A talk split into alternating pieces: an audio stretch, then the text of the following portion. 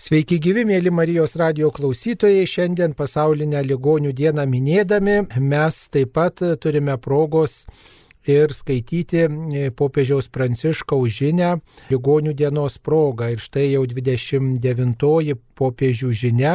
Šiai progai ligonių dieną įsteigė popiežius e, Jonas Paulius II 1993 metais. E, pirmą kartą buvo išleista popiežiaus žinia ligonių dienai, o štai šiais metais jau 29 žinia, kurią ligonių dieną ir turime progos skaityti, klausytis ir svarstyti. Popiežiaus Pranciškaus žinia 29-osios pasaulinės ligonių dienos proga 2021 metai. Turite vienintelį mokytoją, o jūs visi esate broliai. Mato Evangelija 23 skyrius 8 eilutė. Pasitikėjimo santykis kaip rūpinimosi ligoniais pagrindas. Brangus broliai seserys, 29-osios pasaulinės ligonių dienos minėjimas 2021 metais vasario 11-ąją Liurdo švenčiausios mergelės Marijos liturginio minėjimo dieną yra tinkama proga atkreipti ypatingą dėmesį į ligonius, taip pat jais besirūpinančiuosius tiek sveikatos apsaugos institucijose, tiek šeimose ar bendruomenėse. Mastau ypač apie tuos, kurie visame pasaulyje kenčia dėl koronaviruso pandemijos padarinių. Visiems, ypač vargingiausiems ir esantiems visuomenės paribiuose, reiškiu dvasinį artumą ir patikinu, kad bažnyčia juos myli ir jais rūpinasi. Šios pasaulinės dienos tema kyla iš Evangelijos ištraukos, kur Jėzus kritikuoja veidmainius, kurie kalba, bet nedaro, palyginti Mato Evangelijos 23 skyrius nuo 1 iki 12 eilutės.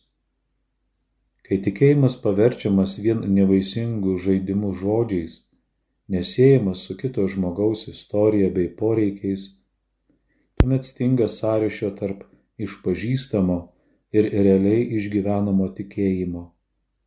Tai rimta grėsmė, todėl Jėzus pasitelkė stiprius žodžius, įspėdamas dėl pavojaus, kai žmogus paverčia stabu save patį.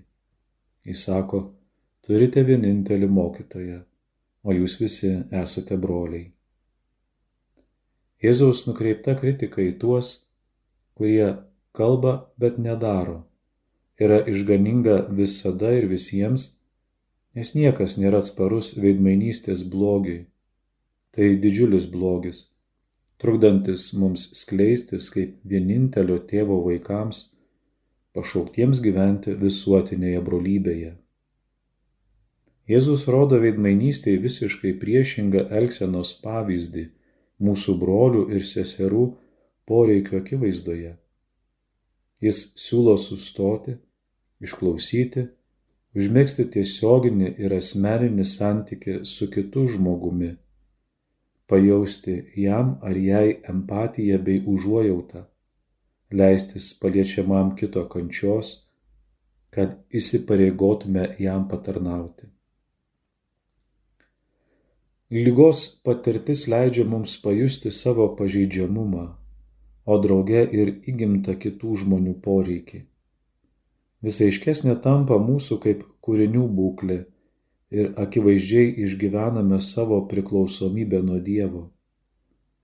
Kai sergame, mūsų protus ir širdis persmelkia netikrumas, baime, o kartais net samišis atsidūrėme bejėgiškumo situacijoje, kadangi mūsų sveikata nepriklauso nuo mūsų gebėjimų ar mūsų rūpeščio.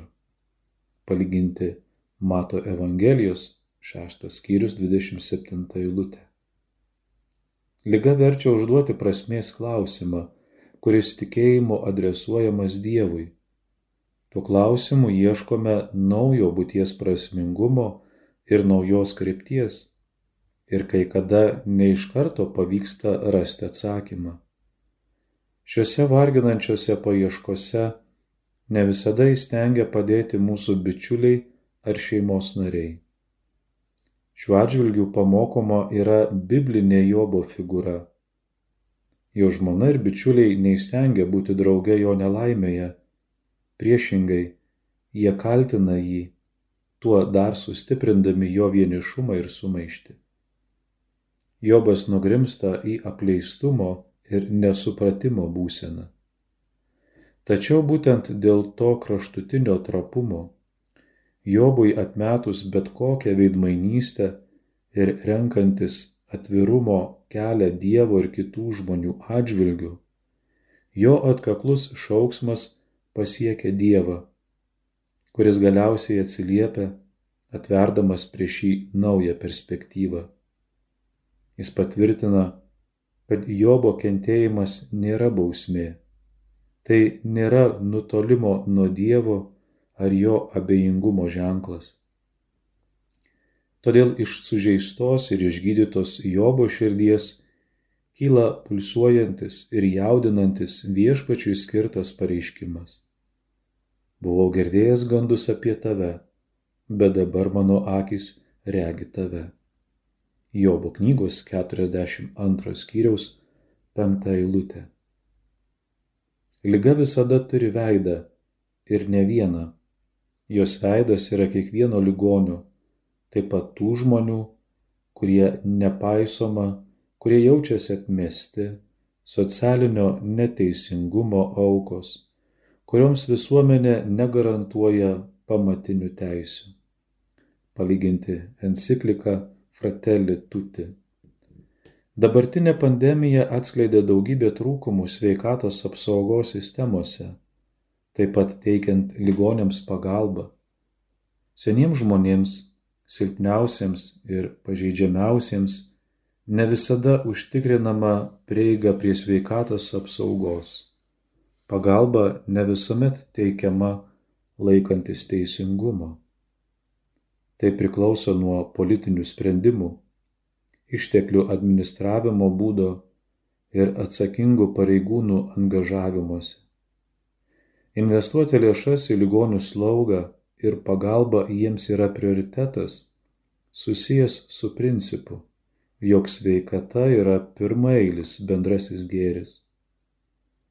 Tuo pat metu pandemija išryškino sveikatos apsaugos darbuotojų, savanorių, darbininkų, kunigų, vienuolių atsidavimą ir didžiadvasiškumą. Jie profesionaliai, pasiaukodami, atsakingai ir rodydami artimo meilę teikia pagalbą, rūpinosi, slaugė, guodė ir tarnavo daugeliui ligonių bei jų šeimų. Tai tyli daugybė vyrų ir moterų, apsisprendusių žvelgti į tuos veidus, pasirūpinti pacientų žaizdomis, nes jie jautėsi esą jiems artimi dėl bendro priklausomo žmonijos šeimai. Artumas yra tikrai brangus balzamas, teikiantis paramą ir paguodą tiems, kurie kenčia lygoje. Būdami krikščionys, artumą išgyvename kaip Jėzus, Jėzaus Kristaus, gerojo samariečio meilės išraiška. Jis užjausdamas tampa artimas kiekvienam nuodėmės sužeistam žmogui. Šventosios dvasios veikimu vienydamiesi su juo esame pašaukti būti gailestingi kaip tėvas ir mylėti ypač sergančius, silpnuosius ir kenčiančius brolius. Palyginti Jono Evangelijos 13 skyrius nuo 34 iki 35 eilutės. Ta artumą išgyvename ne tik asmeniškai, bet ir bendruomeniškai Broliška meilė Kristuje suburia bendruomenę, kuri geba gydyti, ne vieno neapleidžia bendruomenę, kuri įtraukia ir priima ypač pačius silpniausius. Čia norėčiau priminti, koks reikšmingas broliškas solidarumas, konkrečiai besireiškintis per tarnavimą, ir galintis įgyti įvairių pavydalų, kurie visi orientuoti į artimo palaikymą. Tarnauti reiškia rūpintis silpnaisiais mūsų šeimose, mūsų visuomenėje, mūsų tautoje. Homilyje Havanoje 2015 metais rugsėjo 20 dieną. Taip įsipareigodamas konkretaus silpniausiųjų žvilgsnio akistatoje, kiekvienas gali palikti nuo šalyje savo troškimus, lūkesčius, siekius, norą būti visagaliam. Tarnavimas visuomet žvelgia į brolio veidą, paliečia jo kūną, jaučia jo artumą, o kai kuriais atvejais net jį pakenčia ir siekia brolį ugdyti. Todėl tarnavimas niekuomet nėra ideologinis, nes tarnaujama ne idėjoms, bet žmonėms. Geram gydimui esmingai svarbus santykio aspektas, nes jo dėka įmanomas visuminis požiūris į ligonį. Jei atsižvelgiama į šį aspektą, gydytojams, slaugytojams, specialistams ir savanoriams yra lengviau rūpintis kenčiančiais ir lydėti juos gyjimo procese. Tai vyksta per pasitikėjimų grindžiamą tarp asmeninį santyki. Nauja sveikatos apsaugos darbuotojų hartija 2016 metai. Reikia sudaryti paktą tarp tų, kuriems reikia slaugos ir tų, kurie jais rūpinasi Šis paktas turi būti grindžiamas tarpusavio pasitikėjimu ir pagarba, nuoširdumu ir atvirumu, siekiant įveikti bet kokias gynybinės užtvaras, kad ligonio orumas būtų dėmesio centre, kad būtų saugomas sveikatos apsaugos darbuotojų profesionalumas ir palaikomi geri santykiai su pacientų šeimomis. Santykis su ligoniu gaivina būtent Kristaus meilėje glūdinti neišsemiama motivacijos ir jėgos versmė. Per tūkstantmetę istoriją tai liudyja vyrai ir moterys, tapę šventaisiais per tarnavimą ligonėms. Iš Kristaus mirties ir prisikelimo slėpinio kyla ta meilė, kuri gali suteikti tikrąją prasme tiek paciento, tiek juo besirūpinančių situacijai. Apie tai daug kartų liudyja Evangelija, parodydama, jog Jėzaus įvykdyti išgydymai yra ne maginiai gestai, bet visuomet susitikimo ir tarp asmeninio santykio vaisius, kai Jėzaus duodama Dievo dovana atitinka ją priimančio žmogaus tikėjimo atsaką. Tai apibendrina Jėzaus dažnai kartojami žodžiai. Tavo tikėjimas tave išgelbėjo. Brangus broliai seserys, Jėzaus mokiniams paliktas meilės įsakymas konkrečiai įgyvendinamas taip pat per santykį su ligoniais.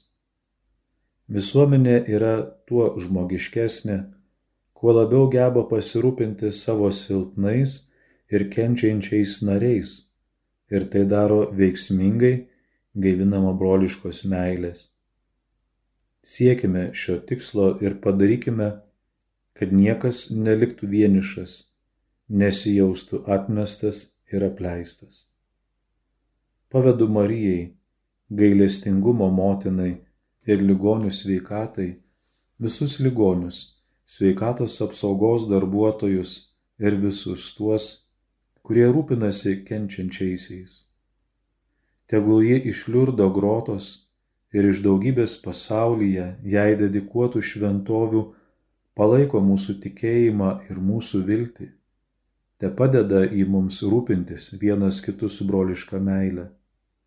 Visiems ir kiekvienam iš viso širdies teikiu palaiminimą.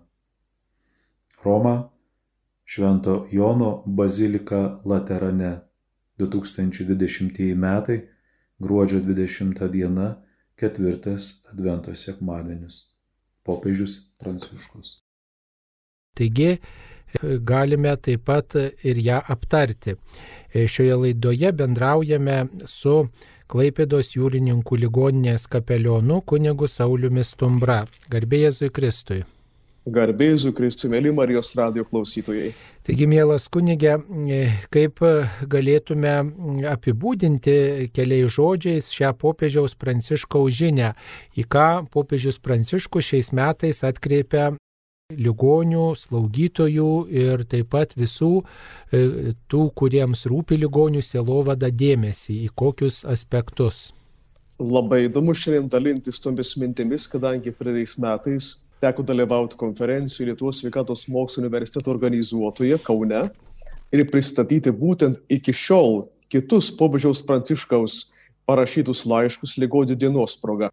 Turbūt nelabai nustebinsiu pasakęs, kad popiežius pranciškus, nežiūrint labai garbingų savo pirmtakų, turi tokį labai specifinį požiūrį ir kalbėjimo būdą, kai kalba būtent apie tuos mažiausius ir silpnuosius tarsi kalbėdamas kiekvienam iš tų ligonių asmeniškai ar kalbėdamas kiekvienam asmeniškai tų, kurie prisiliečia prie to sergančio žmogaus. Turbūt ta dvasia ir šiandien mes galime sakyti, kad yra persmeltas tas e, popiežiaus pranciškaus laiškas, rašytas šią ligonių dienos progą. Bet aišku, keletą tokių akcentų, ką popiežius ir išskiria, labai yra aktualu būtent turbūt šių metų, nes jisai teigia, kad lyga ne tik parodo žmogaus pažeidžiamumą, ką mes kiekvienas galime patirti ir patiriame, kai lyga ateina į mūsų pasaulį, į mūsų asmeninį gyvenimą, bet lygiai taip pat sako, kad lyga kviečia užduoti ir prasmės klausimą. Ir turbūt tų progų užduoti savo gyvenimo prasmės, vertybinių prasmių klausimus šiais metais na, turėjo visa žmonija. Todėl galbūt ta popiežiaus akcentuojama mintis, kad lyga duoda progą užduoti savo prasmės klausimą, galbūt yra kaip ir tokia labai aktuali būtent šių metų proga, kadangi beveik visi metai buvo paženklinti pandemijos, pandemijos ženklų, taip galėtume sakyti, ir ligonių, ir jų pagalbininkų, tai yra slaugytojų, medicinos darbuotojų, medikų, buvo prislėgti tarytum ir visi tarytume buvo paliesti to. Taigi čia galbūt tokį išskirčiau kaip ir vieną tokį, tokį ženklesnį popiežiaus pranciškaus laiško akcentą. Ar popiežius Pranciškus šiame laiške įvardyja, kokia galėtų būti pandemijos prasme, ar tai palieka atrasti kiekvienam žmogui? Turbūt galėtume sakyti ir taip, kad kviečia kiekvieną iš mūsų tos prasmės ieškoti vis dėlto. Ir vėlgi mes galime atsiliepdami tą popiežiaus mintį ir jūsų klausimą sakyti, mes turbūt kiekvienas turėjom didesnių ar mažesnių akimirkų, kada tuos klausimus savo kėlėm. Kokia prasme tos lygos, kokią dovaną duoda mums tas laikas, kada esam suvaržyti ir taip toliau. Tuos klausimus mes kėlėm ir keliame po šiai dienai. Ir vėlgi čia ne tik tais tie, kurie yra lygos paliesti, ne tik tais tie, kurie padeda tiems ligonėms, bet ir netgi tie, kurie gyvename be lygos paženklinimo šią akimirką. Vis dėlto pripažinkim, kad popiežiaus ta mintis iškeliama, jinai prakalbina kiekvieną šiais metais. Jeigu mes to prakalbinimo norim ir norim to atsakymų ieškoti. Nes visada gali būti ir kita pusė. Aš galiu negirdėti nei prakalbinimo, nei paraginimo kalbėti, bet tada ir neįvyksta dialogas. Vienas iš tokių prasmės atradimų aspektų, kad štai pandemijos metu galime atrasti, e, kad e, mes esame priklausomi ir vieni nuo kitų, ir priklausomi nuo Dievo malonės. Šita priklausomybės nuo Dievo ir nuo kitų žmonių tema šmėžuoja ir šiame laiške. Gal apie tai galima keletą žodžių tarti? Žinot, iš tiesų aš ne vienerius metus tarnauju ligoniai kapelionų šalia kitų pareigų ir labai dažnai pastebėdavau, sakysim, dalyvaujant įvairiausiuose ataskaitiniuose susirinkimuose, kaip dažnai ligoninių vadovai kalba. Štai per metus mes išgydėm tiek ligonius, visiems tiek baulovadinių panaudot ar kažką tai.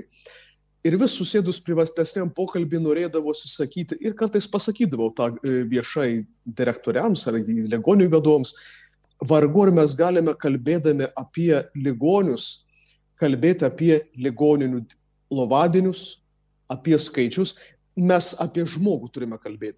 Ir čia jūsų užvedimas ant kelio ir tai labai teisingas, kadangi popiežius labai gražiai trečiam punktui šio laiško pastebi. lyga visada turi veidą, konkretų veidą, tai reiškia konkretų žmogų. Ir mes iš tiesų turbūt šios pandemijos metu galbūt ir savotiškai kartais ir pamirždavom, kad kalbėdavom apie tuos skaičius, kurie užsikrėtė, kad žmonės, kurie išgyvena būtinybę gydytis nuo, nuo tos ar kitos lygos ligonėje, tai nėra statistiniai skaičiai. Tai yra žmonės, su savo gyvenimu, su savo šeimomis, su savo išgyvenimais, su savo baimėmis, nepamirškime to. Ir lygiai taip pat yra su savo dvasiniais poreikiais. Ir čia turbūt šioje vietoje popiežius labai taip pat irgi labai gražiai tarsi, tarsi pagiria tuos, tarytum ranka palydė tuos, kurie tą valandą prie tų sergančiųjų būdavo. Ir vardė, kad tai ne tik medicinos personalas, bet taip pat ir vienuoliai, vienuolis, tai ir tai ligoninių kapelionai, dvasiniai asistentai, visi, kurie turėjo galimybę tą valandą tiem žmonėms skubėti pagalbą. Nes ne tik kūną mes turim parūpinti, kad būtų sveikata, bet lygiai pat ir nepamiršti ir tos dvasinės dimensijos, kas yra labai svarbu. Ir lygtais oficialiuose kalbose mes niekada negirdėjom tarsi to rūpeščio žmogaus dvasiniu pasauliu. Apsaugoti, apsiriboti, nekontaktuoti tarytum pamiršdavom, kad žmogui taip pat reikalingas ir dvasinis dalykas. Tai jau čia galbūt ir Marijos radija buvo kaip didžiausia pagalbos priemonė tiems, kurie labiausiai buvo vieniši to karantino sąlygomis. Čia aš galbūt jau, jau šiek tiek perbėgu į kitą tematiką, to popiežiaus kreipimus, nes popiežius labai taip pat užsimena ir apie senelius. Turbūt mes net neturim statistinių duomenų, kiek per tą karantiną pirmąjį ir antrąjį per tą lygos pažengintą laiką. Vienišų senelių, galėtume sakyti, kaukę savo namuose uždaryti. Pas kuriuos netgi vaikai bijojo ateiti, pas kuriuos produktus tik Barbora pristatydavo, kurie negalėjo nuolatos lankytis įprastoj savo bažnytėlė ir, ir mišių klausyti gyvai, kurie tarsi buvo gyvi kaliniai įkalinti savo namuose. Taip, atsargumas yra, bet ar mes nepamiršom per tai jų dvasinių reikalų, ar labai saugodami kūną anot popiežiaus, ar mes parūpinom, kad jie būtų aprūpinti dvasiniais malonės dalykais. Jau žiūrėkit, netgi mūsų ganytojai, kreipdamiesi į visą Dievo tautą Lietuvoje, akcentavo ne tik, kad mes negalim švesti viešai mišių, bet buvo akcentuojama, kad galima ir netgi ragintina ateiti privačiai išpažinčiai, priimti šalia šventų mišių švenčiausiai sakramentą. Čia šioje vietoje popiežiaus priminimas apie tuos senyvus žmonės man savotiškai groja per sąžinę ir galbūt ir daugeliu, ar mes tikrai viską padarėm ir padarome, kad šalia rūpinimosi kūno reikalais, kad būtume apsaugoti nuo užsikrėtimų ir taip toliau, ar mes parūpinam, kad jiems pakaktų dvasinio maisto. Tikro sakramentinio dvasinio maisto. Kitaip sakant, kalbate apie tokį artumą ligonėms, e, kurį turbūt e, aptarė ir popiežius e, Pranciškus šiame laiške. Ir turbūt reikėtų pasvarstyti, kad artumas ligonėms, nors ir negalime lankyti tų ligonių, negalime su jais būti, vis dėlto reikalingas ir mes turbūt, kurie galime na, įvairiais būdais pagalvoti, kaip tuos artumo ženklus parodyti, turime ieškoti tų būdų, kaip tą artumą labiau sergantiems, vyresniems žmonėms e, vis dėlto pareikšti, atskleisti, kad mes esame vis dėlto arti jų, net jeigu ir fiziškai esam toli ar negalime lankyti jų, turbūt popiežius ir, ir tai pabrėžia artumas ligonėms šios pandemijos kontekste, taip pat jis gali būti įvairiuose kontekstuose svarstomas. Taip, labai teisingai pastebėta, nes, nes vėlgi, sakysim, tas popiežiaus žvilgsnis, kad, kad mes turim kalbą apie konkretų žmogų, ne, ne su lyga mes kontaktuojam, bet su konkrečiu žmogum, kuriam reikia ne tik kasdienės duonos, bet kuriam reikia ir kasdienio dvasinio maisto. Taigi tai čia savotiška buvo galbūt ir proga, ir tuo pačiu iššūkis ne tik Lietuvos bažnyčiai, bet ir turbūt visai bendruomeniai pasaulyje ieškoti tų kitų būdų, kaip prakalbinti arba kaip duoti galimybę žmogui bendrauti. Ir tikrai čia galima turbūt pasidžiaugti, kad ir mūsų Lietuvoje, ir mūsų, štai mūsų Vitelšių viskupijų karitas tikrai labai nuoširdžiai savanoriai būdėjo prie telefonų, kad galėtų žmogus trokštantis išgirsti gyvą balsą, pakalbėti elementariausiai galbūt kaip šiandien jisai jaučiasi, kad buvo tų žmonių, kurie yra pasiruošę girdėti juos. Bet Čia šioje vietoje galbūt man kaip ir veikiančiam ligonės kapelionui tų pačių norėtųs pastebėti, kad jau vis dėlto toj ligonių situacijai, kai mes turime ne tik pačius ligonius, mes turime dar ir jų artimuosius, nepamirškim, bet mes turime ir didžiulį medicinos personalą, kuris triūsia dėl tų žmonių sveikatos. Ir dažnai galbūt sakysim, mes taip pat kritiškai pažiūrime medicinos darbuotojus, sakysim, vienaip ar kitaip, galbūt juos įžodindami, bet pamiršdami, kad jie tikrai žmonės aukoja savo laiką ir lygiai taip pat kaip ir visi pavargsta. Ir jiems lygiai taip pat tas dvasinis ligmuo dar labiau reikalingesnis tam, kad pakaktų jėgų skubėti pas tą sergantį ir silpną žmogų. Dėl to pačiam teko nekartą kreiptis ir ligonė, kurioje tarnauju, ir vairiausias, ir, ir, ir įrašais, ir, ir kas savaitinę šventą mišių auką, juos lydėti, dėkojant ir stiprinant, kad nepalūškit, ne, neišsigaskim, kad darykim tą, ką galim pagal tas galimybės, kas yra duota, protą, išminti viską panaudodami, kad ir kitam patarnauti, bet kad nepamirškysim atsakomybės ir iš to savo įgyvenimo, ką viešpats davęs yra kad išlikti ir tuo kūnu, ir dūšė sveikiems. Taigi vėlgi man noris sugrįžtant, remiantis pobažiaus laišku, prie tų dvasinių dalykų, kurie yra taip pat svarbus ne tik tiems sergantiesiems, bet ir tiems, kurie tarnauja ligonėms. Kitaip sakant, jūs kalbate apie santykį, turbūt ne tik tai su tais, kuris serga žmonėmis, bet ir su tais, kurie juos laugo. Popiežius Berots ketvirtajame skirsnelyje atkreipia dėmesį, koks svarbus yra santykio aspektas, net ir šios pandemijos kontekste. Ir taip pat kalba apie broliško solidarumo svarbą pandemijos aplinkoje, kad vis dėlto, galima sakyti, mes laikome tam tikrą egzaminą, ar pakankamai yra to broliškumo ir solidarumo tarp mūsų visų, tarp e, visuomenės žmonių, tarp ligonių ir slaugytojų, tarp ligonių ir jų artimųjų, ir tarp mūsų ir slaugančiųjų žmonių. Žodžiu, tas broliškumas įvairiais aspektais yra reikalingas, nes visuomenė neturinti broliškumo, jinai turbūt netenka savo tokio svorio, savo tokios gilios prasmės, kokią galėtų turėti. Labai teisingai. Ir jūsų pacituotas ketvirtas skirsnelis pobažiaus kreipimosi seka po labai nuostabaus sakinio, kuris yra trečiojo skirsnelio pabaigoje. Tarnavimas niekuomet nėra ideologinis, nes tarnaujama ne idėjoms, bet žmonėms.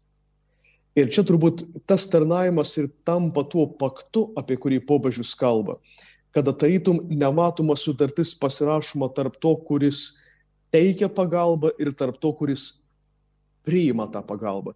Žinot, kadangi ne tik ligonės kapelionų tenka dirbti, tai yra praktinį darbą, bet ir plus dirbti akademinį darbą Klaipdos universiteto sveikatos mokslo fakultete, dėstyti būsimiems slaugytojams. Labai dažnai mes su jais padiskutuojam ir pakalbam. Ypatingai, kai buvo galimybė gyvai kalbėti, o ne per nuotolinės paskaitas ko labiausiai bijo tie jauni žmonės, kurie ryžosi pasirinkti slaugytojo kelią, išeidami į tą tiesioginę tarnystę. Ir nežinau, gal jūs nustepsit ar ne, bet daugelis atsako, kad bijo būtent to santykio. Santykio, kaip priimti sergantį žmogų. Žinot, mes diskutuodami ne kart su tais jaunais žmonėmis ieškojom atsakymų, o koks to santykis turėtų būti.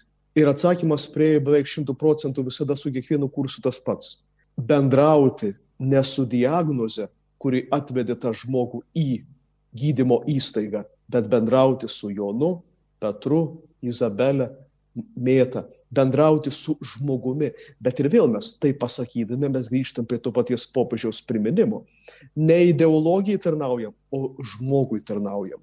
Ir čia turbūt irgi vėl yra labai mums labai svarbu, tas gyvas paliudijimas, tos krikščioniškos meilės, artimo meilės paliudijimas, kurį mes kiekvienas kaip uždavinį iš tiesų esame gavę nuo pat krikšto dienos. Tik ne visada galbūt tą paliudimą dabar lengva yra įgyvendinti. Taip, galbūt tie, kurie tiesiogiai palei pareigas turi galimybę prisiliesti prie sergančio žmogaus, gydytojai, slaugytojai, kitas medicinos personalas, dvasininkai kaip mes, socialiniai darbuotojai, kurie lanko to žmonelius, kurie vieniši namuose yra. Iš tiesų mes kiti galbūt ir liekam kaip ir skolingi tą artimo meilę tiem žmonėms. Galbūt ir nebeturim progos, kaip jiems tą meilę konkrečiai parodyti, nes šimtą kartų yra lengviau meilę parodyti paprastu apkabinimu bičiulišku, nei dešimt kartų pasakyti, kaip aš tave myliu ir kaip tu man brangus. Nors ir žodžiai taip pat reikalingi. Bet pajausti tą širdies plakimą gyvą, tą tarp asmeninio santykio įgyvendinimą gyvą čia ir dabar. Tai yra labai svarbu ir turbūt mes tikiuosi, kad po šio karantino gal būsim dar labiau išsiilgę to gyvo bendravimo ir gyvo santykio, kurio niekada tikrai nepakeis tos didžiulės technikos galimybės, kuriomis mes, ačiū Dievui, turim taip pat šiandieną naudotis. Dar vienas dalykas, kuris svarbus tame santykėje tarp įvairių žmonių, kurie prisiliečia prie ligonių, tai yra pasitikėjimas. Popiežius e, rašo, kad pasitikėjimo santykis kaip rūpinimosi ligoniais pagrindas yra. Žodžiu, ligoniai kviečiami pasitikėti gydytojais, medikais, slaugytojais, o taip pat e, ir specialistai, kurie, kurie slaugo, yra kviečiami pasitikėti žmonėmis kažkaip. Ką galėtume dar pasakyti apie tą pasitikėjimą? Tikėjimą, štai į kurį atkreipia mm, popiežius dėmesį. Žinot, čia popiežius labai taip diplomatiškai galbūt užsiminė, ką reiškia pasitikėjimas tarp medicinos darbuotojų ir ligonio. Pasitikėjimas tai turbūt yra kaip tikėjimas, kad man tas žmogus, kuris skuba man į pagalbą, nieko blogo man nepadarys. Čia mes galime prisiminti Hipokrato priesaiką, iš kurios galbūt ir kyla ta mintis, kad čia popiežius pasak, pasitikėjimas reiškia tarnauti tam žmogui nepakenkiant.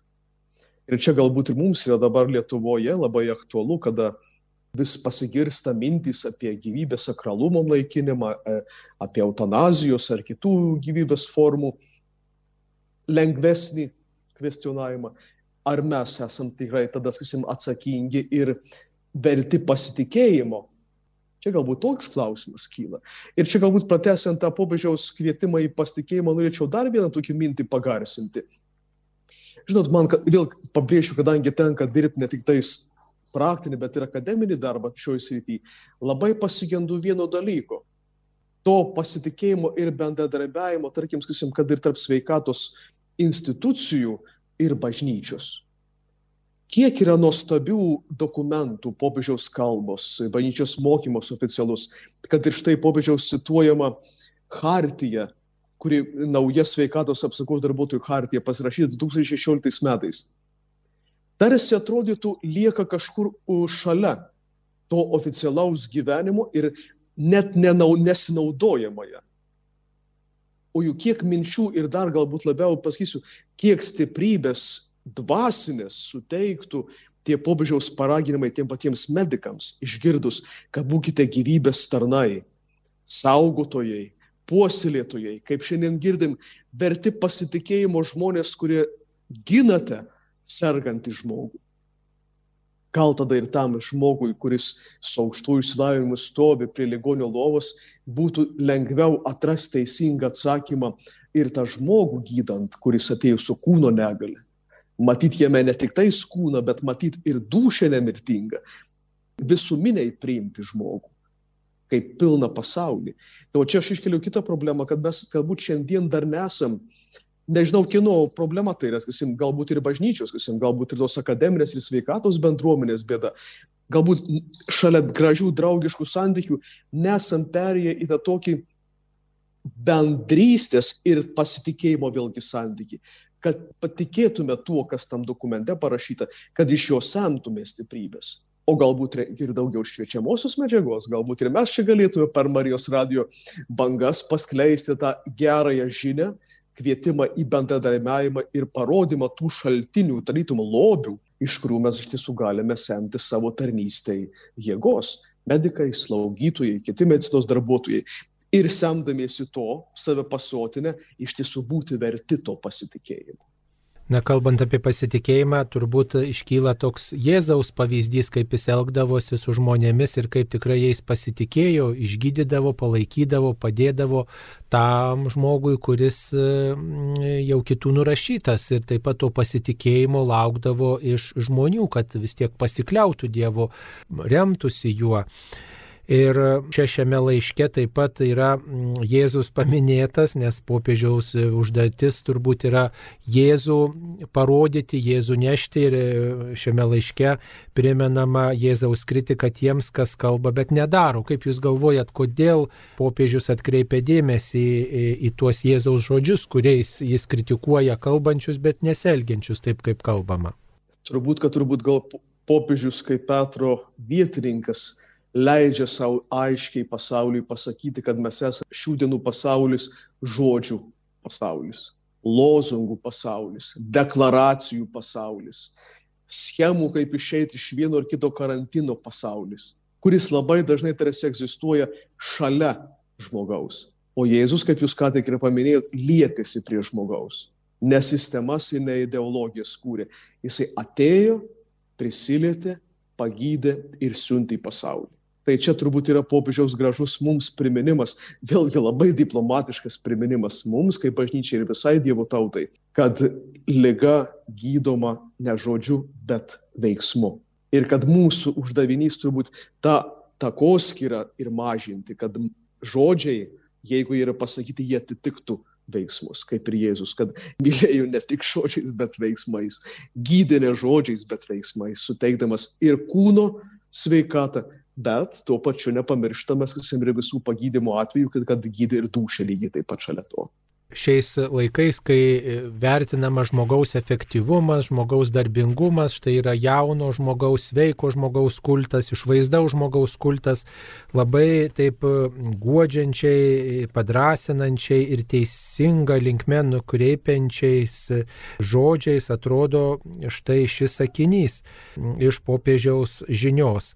Visuomenė žmoniškesnė, kuo labiau geba rūpintis silpnaisiais ir kenčiančiais. Tai e, toks, toks visiems suprantamas turbūt e, sakinys, kuris rodo, kad e, vis dėlto jeigu atsigrėžiame į, į, į silpną, į kenčiantį žmogų, tai iš tiesų labiau išgyvenam savo žmogiškumą, nesiekiam tik tai efektyvumo, kad tik tai pelno būtų pasiekta, tik tai efektyviai viską darytume, bet kad broliai būtume, kad parodytume ar artimo meilę galų gale kaip krikščionis e, yra mokomas ir kad e, paguostume, sustiprintume tą patį silpniausią ir galų galiai gyvendintume Jėzaus žodžius, ką padarėt vienam iš mažiausių, man padarėte. Kaip jums e, šitie žodžiai, ką jie primena ir ką apie juos galim dar pridėti? Žinot, ir vėl man kyla toks nu, klausimas, kodėl popiežius to žodžius priminė. Tai ir vėlgi taiklus ir diplomatiškas priminimas, kad nežiūrint visų laimėjimų, mokslo ir kitos rytyse, mes nepadarėm visko dėl to mažiausio žmogaus. Priminimas, kuris ir vėlgi anot popiežiaus nu, nereikalauja lozungų, jis reikalauja konkretaus veiksmo, prisilietimo, ėjimo, pamatymo, padarimo, pastebėjimo.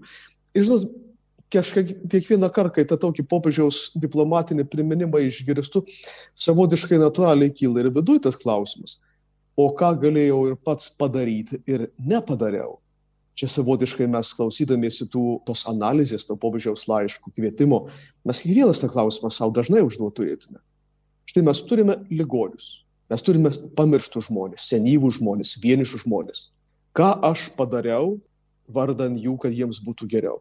Taip mes galbūt kartais pasakysim, mano rankos surištos, aš nieko negaliu, yra tam žmonės paskirti ar kažką negali fiziškai, tai tu gali bent meltis už tuos žmonės. Malda lydėti tuos, kurie tarnauja jiems. Taip, kad nėra ne vienos situacijos, kad tu nieko negalėtum. Netgi ir tada, kada tu nieko negali, netgi paralyžiuotas lavelį gulėdamas, tu gali malda lydėti visą pasaulį, kuris yra kenčiantis pasaulis, anot pobūdžiaus, kaip sakėt, priminimo. Ir šiandien yra tų, kurie yra pamiršti, kurie galbūt ir svajos apie tą pačią vakcinos dozę ir galbūt jos negaus, kurie ieškos to šilto žodžio ir prisilietimo. Ir mes galime būti tuo, kurie tą žodį ištars, mes galime būti tuo, kuris galbūt duonos kepalą parneš ir prie sergančios kaiminės durų paliks, paskambinės jai skambutį durys. Mes galime tai padaryti. Taigi pobūdžiaus priminimas yra mums vėlgi, kaip apaštlų įpėdinio priminimas, kad esame dar tik kelionėje. Tikslas dar nepasiektas. Ši popiežių žinia jau yra 29-oji pasaulinės ligonių dienos proga, jūs esate skaitę, studijavęs ir kitas tas žinias, kurios išleidžiamos pasaulinės ligonių dienos proga, ar galima jas palyginti, kažkaip sugretinti, gal yra kokios temos, kurios e, kartojasi, ten pavyzdžiui, broliškumas, kenčiančio, vargstančio, silpno žmogaus, ligonio žmogaus e, vertė, ta kančios prasme, ar galbūt kokios kitos temos e, kartojasi, ar yra bendros įvairiom žinioms. Žinot, pratesant jūsų klausimą, aš galiu atsakyti, taip, yra dalykų, kurie yra kaip ir bendri, pavadinkim, kadangi žmonija nelabai keičiasi to išsrity. Kančios problemam, žina, ją ypatingai mėgo Jonas Paulius II popiežius. Bet lygiai taip pat jo laiškuose, kaip ir jau vėliau Benedikto XVI laiškuose, mes randam ypatingą žvilgsnį į gyvybės sakralumą. Ir popiežius Pranciškus jau savo eilėje laiškų lygiai taip pat akcentuoja. Tarsi ir būtų tos bendrosios temos, kurios eina karts iš karto pasikartodamos popiežių žiniuose ligonio dienos proga. Bet vis dėlto kiekvienas apaštalo į Petro įpėdinis turi savotišką žvilgsnį į tą pačią vieną ar kitą bėdą. Taigi ir popiežius Pranciškus mes jau matom, sakysim, kad jisai kelintą kartą rašydamas tą laišką labai taip jautriai pažvelgia.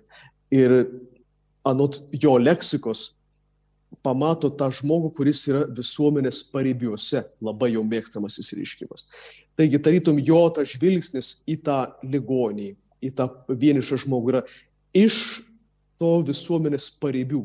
Taigi, galbūt, galbūt tai vat, yra nauja e, šventojo tėvo pranciškaus laiškose, nors tos temos, mes, kurias mes ir palėtėm ir kančios, ir gyvybės sakralumo, ir tarnavimo mažiausiajam, jos vis persipina vienokiu ar kitokiu atspalviu ir tai yra natūralu, nes kiekvienam iš mūsų priminimas yra reikalingas, bet ir vėl kiekvieni metai galbūt turi ir savą spalvą, kurią reikia pobišių labiau suakcentuoti.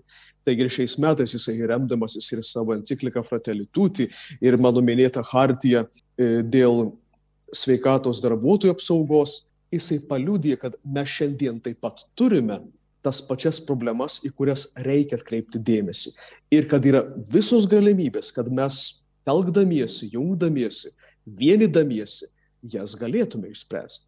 Taigi aš matau popiežiaus žodžiuose ne tik tais diplomatišką priminimą pasauliui, kur yra bėdelių, bet ir kvietimą telktis. Tai turbūt yra labai džiugu, kad mes bendrom pastangom galime iš pareibių to žmonės į dienos šviesą patraukti.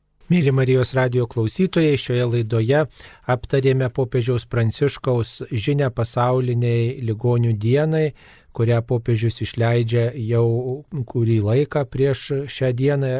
Konkrečiai ši žinia pasirašyta 2020 m. gruodžio 20 d. o skaitoma, nagrinėjama, svarstoma štai šiandien, kai minime pasaulinę ligonių dieną ir ši žinia yra 29-oji popiežiaus pasirašyta žinia, jo paskelbta pasaulinė ligonių diena ir šią tradiciją skelbti žinę ligonių dienos proga yra pradėjęs šventasis popiežius Jonas Paulius II 1993 metais. Ir ši žinia tikrai skirta ne tik tai ligonėms, kenčiantiems, bet ir tiems, kurie juos laugo, kurie rūpinasi silpnaisiais. Ir šioje žinioje dažnai vartotas žodis santykis, artumas, broliškumas yra svarbus viso popiežiaus pranciškaus e, pontifikato žodžiai dažnai kartojami, juos atrandame ir šioje žinioje. Popiežiaus pranciškaus žinę komentavo kunigas Saulis Tumbras, kuris yra Klaipėdos jūrininkų ligonės kapelionas, be kitų savo įvairių svarbių pareigų. Jį kalbino aš kunigas Saulis Bužauskas. Visiems linkime sveikatos ir taip pat išreikšti artumą visiems kenčiantiems, vargstantiems ir silpniems žmonėms. Ačiū, būkite palaiminti sudė.